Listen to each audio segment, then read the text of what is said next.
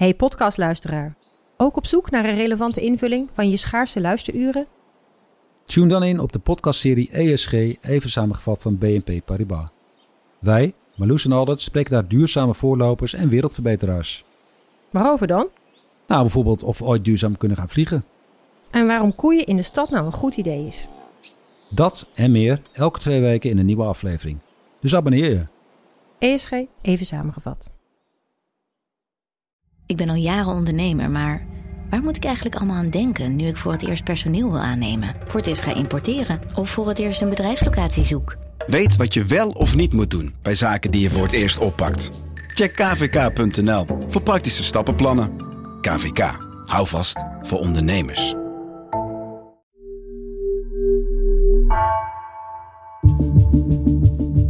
Vanaf de redactie van NRC het verhaal van vandaag. Mijn naam is Misha Melita.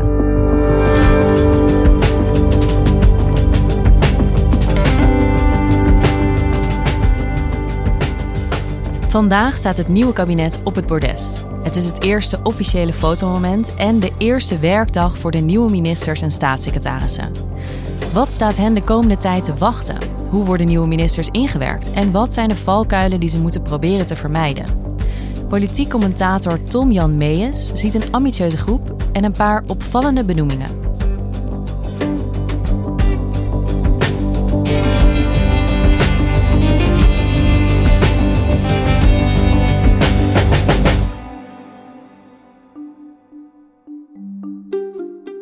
Hey Tom-Jan, goed dat je er bent. Uh, vandaag staat het nieuwe kabinet op het bordes. Het officiële moment dat de nieuwe ministers en staatssecretarissen worden gepresenteerd.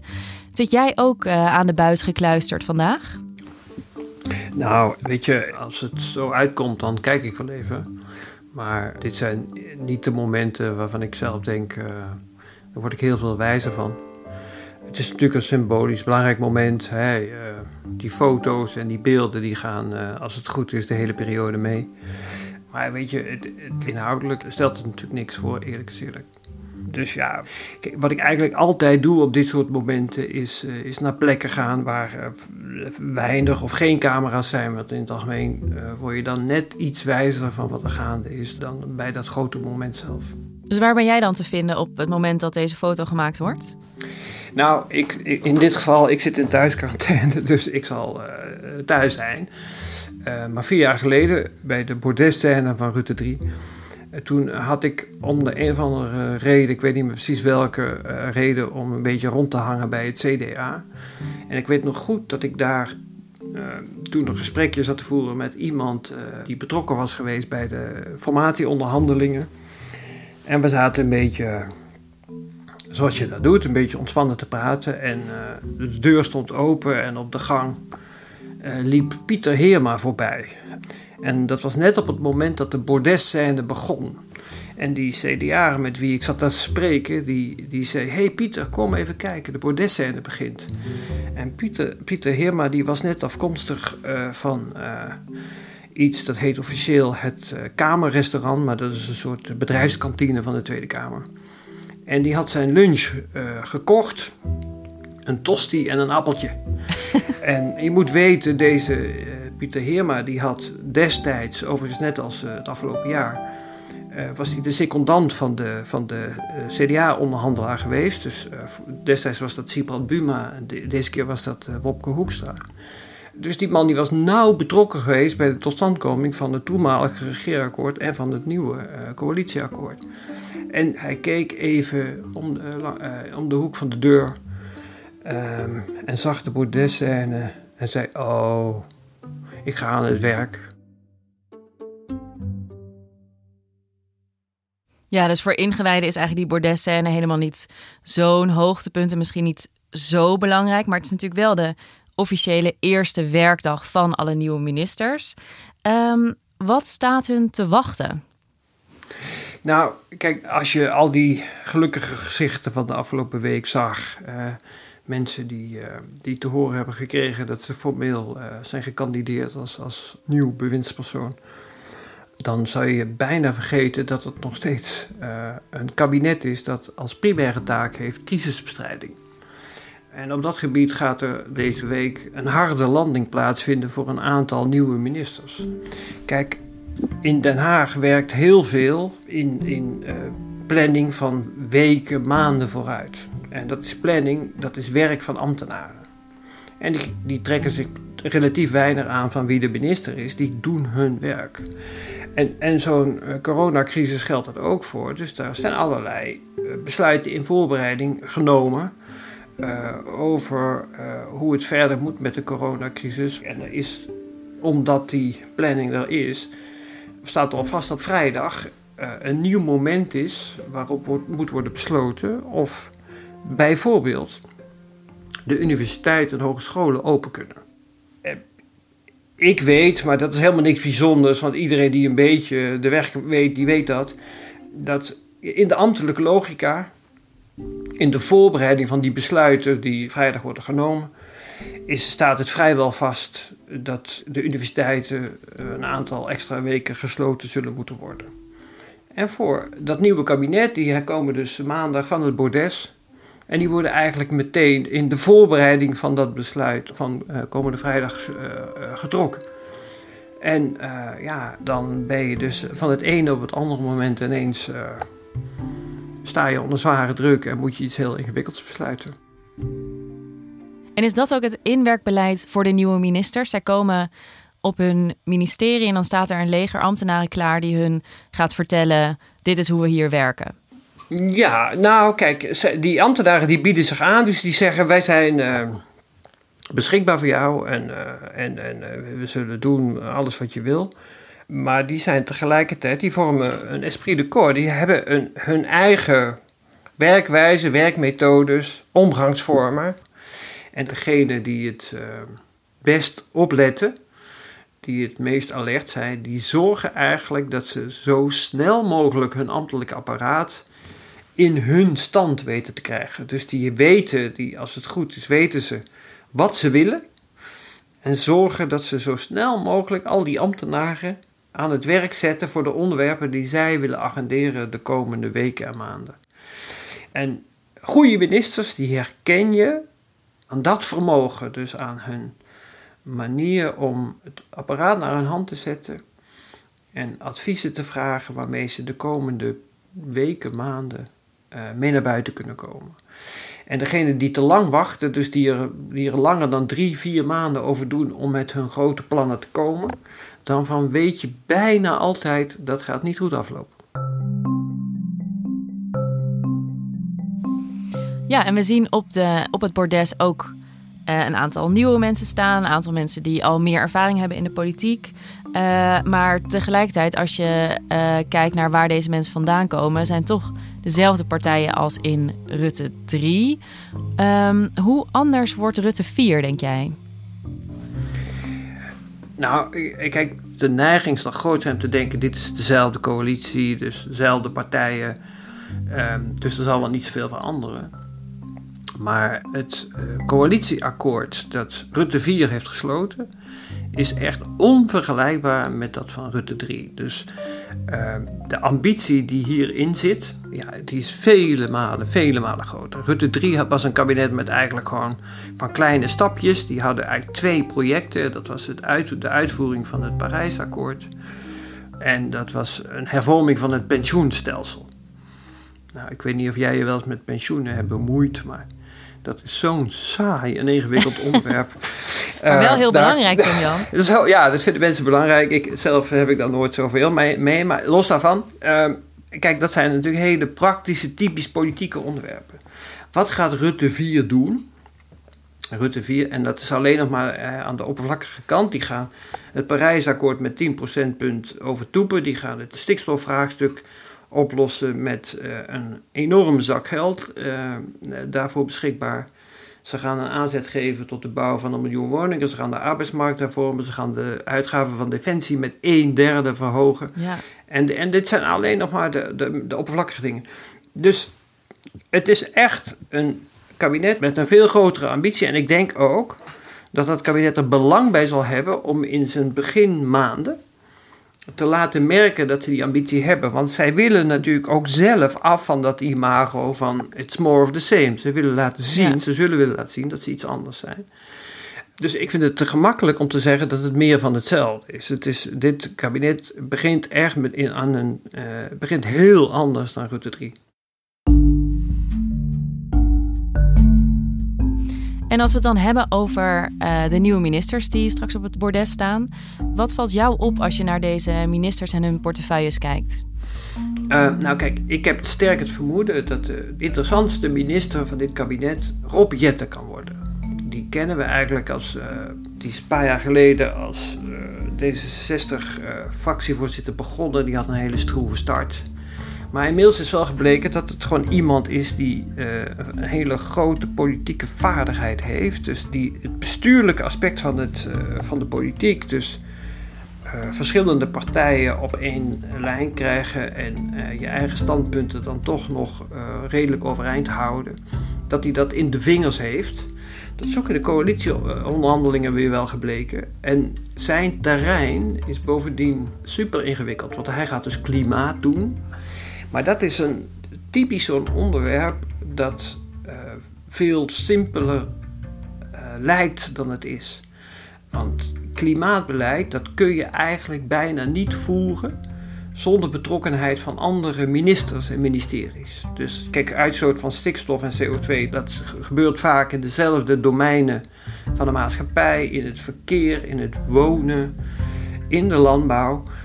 Het heeft te maken met het bedrijfsleven. Hè? Dus hij krijgt te maken met heel veel verschillende andere ministeries en ministers met wie hij zaken zal moeten doen. Dus op hem rust heel veel.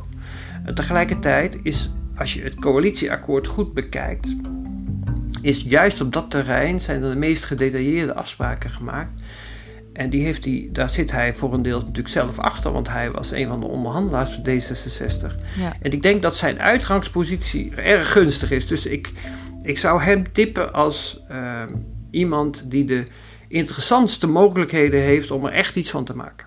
Oké, dus die moeten we echt in de gaten houden, Rob Jet, omdat hij een hele belangrijke portefeuille heeft waar veel van die ambities zitten. Ja. Wie hou jij nog meer in de gaten? Nou, ik vind er best veel interessante mensen tussen zitten, moet ik zeggen. Maar één, ik zal er één uit uh, pikken die ik zelf, waar ik zelf een fascinatie voor heb. Kijk, je hebt ook mensen die bijna altijd de media negeren. Die eigenlijk hun best doen om nooit in het nieuws te komen.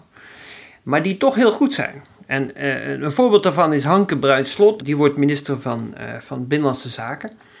Die is eerder Kamerlid geweest. Ze heeft trouwens ook best een interessant cv. Ze heeft uh, bij Defensie gewerkt, ze heeft in uh, Afghanistan gediend. Ze heeft topsport bedreven in het hockey. En de meeste Kamerleden uh, die wij als journalisten meemaken, zijn diegenen die eigenlijk heel goed in staat zijn om altijd de media te halen. En daar is een heel simpele manier voor. Je gaat naar een Kamerdebat.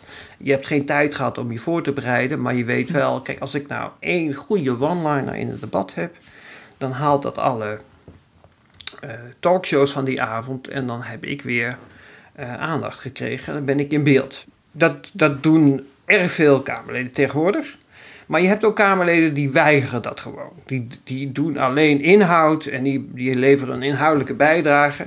Maar kijk, Hanke Bruin is typisch zo iemand die dat laatste deed. Dus die deed talrijke debatten op het terrein van justitie, defensie, vaak inhoudelijk zeer, zeer doorvrocht. En haalde zelf nooit publiciteit. En ja, kijk, als politiek fenomeen vind ik dat eigenlijk in dit tijdsgewicht razend interessant. Er is, uh, er is een, een, een, bekend moment geweest, een van de spaarzame keren dat ze wel in de publiciteit kwam. Uh, was een uh, debat met Thierry Baudet, waarin, waarin het ging om defensie. Hij, dat is Baudet, bekritiseerde de leiding van defensie. Uh, Bruin Slot die uh, weersprak dat. Uh, Baudet noemde dat schattig en naïef, waarop zij hem even liet weten. Voorzitter, ik werd hier uitgemaakt voor schattig en naïef. En dat wil ik wel even duidelijk maken dat ik oud-militair ben, veteraan ben, pelotonscommandant in Euroscan ben geweest en daar panzerhouwitser heb afgeschoten. Dat is verre van schattig, dat is verre van naïef. Toen zat u, zat de heer Baudet in de studeerkamer en was ik militair.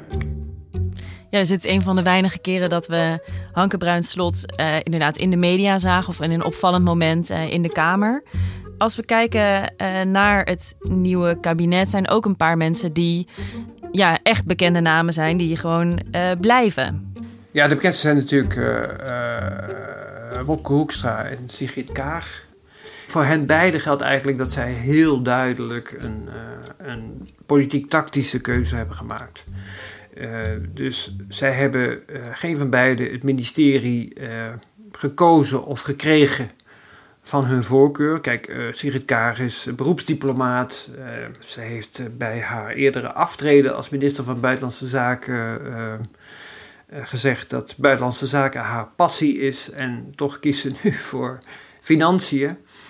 En Hoekstra kiest dan voor Buitenlandse Zaken, terwijl hij van financiën komt. En, en voor beide geldt eigenlijk dit het is wel heel aannemelijk, niemand weet het echt zeker, maar het is wel heel aannemelijk dat dit echt de laatste periode van uh, Mark Rutte wordt.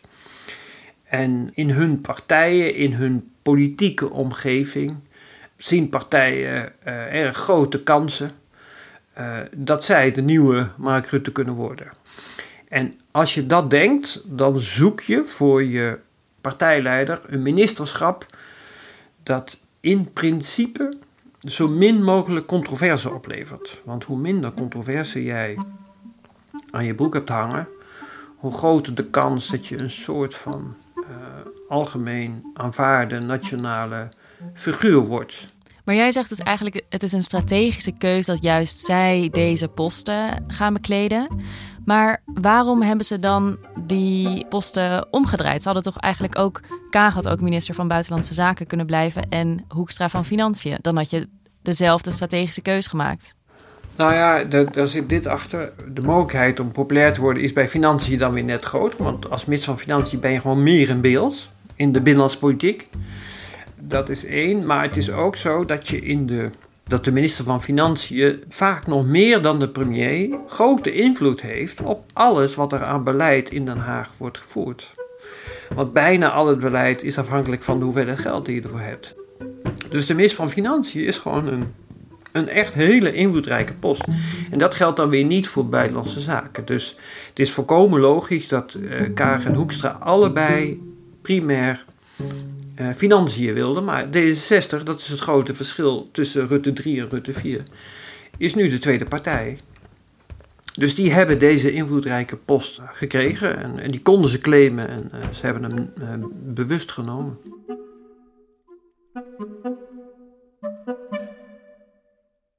Ja, ze gaan nu gewoon allemaal beginnen aan hun nieuwe baan. Ja, dat gaat een pittige week worden, denk ik.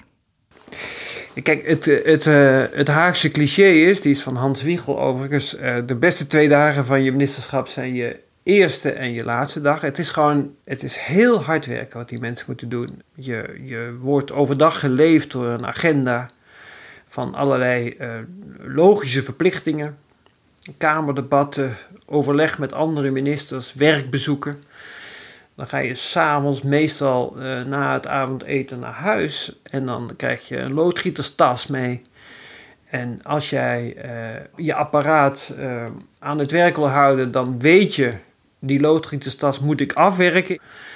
dus je, de, de meeste van deze mensen die werken de komende jaren standaard van s ochtends heel vroeg tot s avonds heel laat. En moeten dat dan daarnaast combineren met persoonlijke bedreigingen. Die zijn gewoon vast onderdeel van, uh, van het werk geworden. Ze komen bijna altijd allemaal in een of ander uh, schandaaltje terecht. Waarbij de vraag is of de Tweede Kamer uh, juist is geïnformeerd. Dus ja, kijk. ik begrijp wel dat mensen altijd voor de verleiding zwichten om het te worden. Maar eigenlijk zou je het moeten afraden. Um, aan de andere kant weet je Kijk, uh, een ander verschrikkelijk cliché is natuurlijk dat het land bestuurd moet worden. En dat getalenteerde mensen, uh, hè, en, uh, van welke partij ze ook zijn, de bereidheid hebben om dit soort functies op zich te nemen, juist in deze tijd, met al die bedreigingen erbij en al die internetpesterijen en wat je hebt, dat is op zich natuurlijk heel erg te prijzen. Want het is natuurlijk wel zo dat de kwaliteit van het bestuur vrij veel uitmaakt voor ons allemaal. Ja, dat is misschien een een mooi cliché om deze toch ook een beetje clichématige dag van de bordesscène mee te eindigen. Dankjewel, Tom-Jan. Oké. Je moet zeggen, graag gedaan, sorry. Oké, graag gedaan.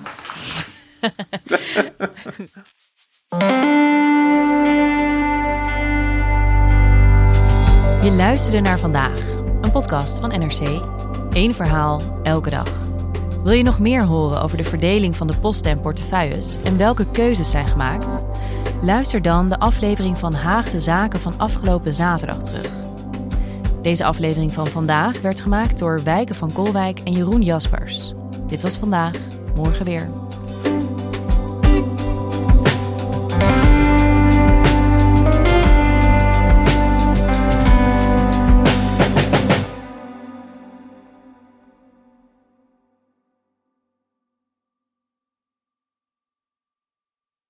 Technologie lijkt tegenwoordig het antwoord op iedere uitdaging. Bij PwC zien we dit anders. Als we de potentie van technologie willen benutten, kunnen we niet zonder een menselijk perspectief. Human-led, tech-powered noemen we dat. Ga naar pwc.nl.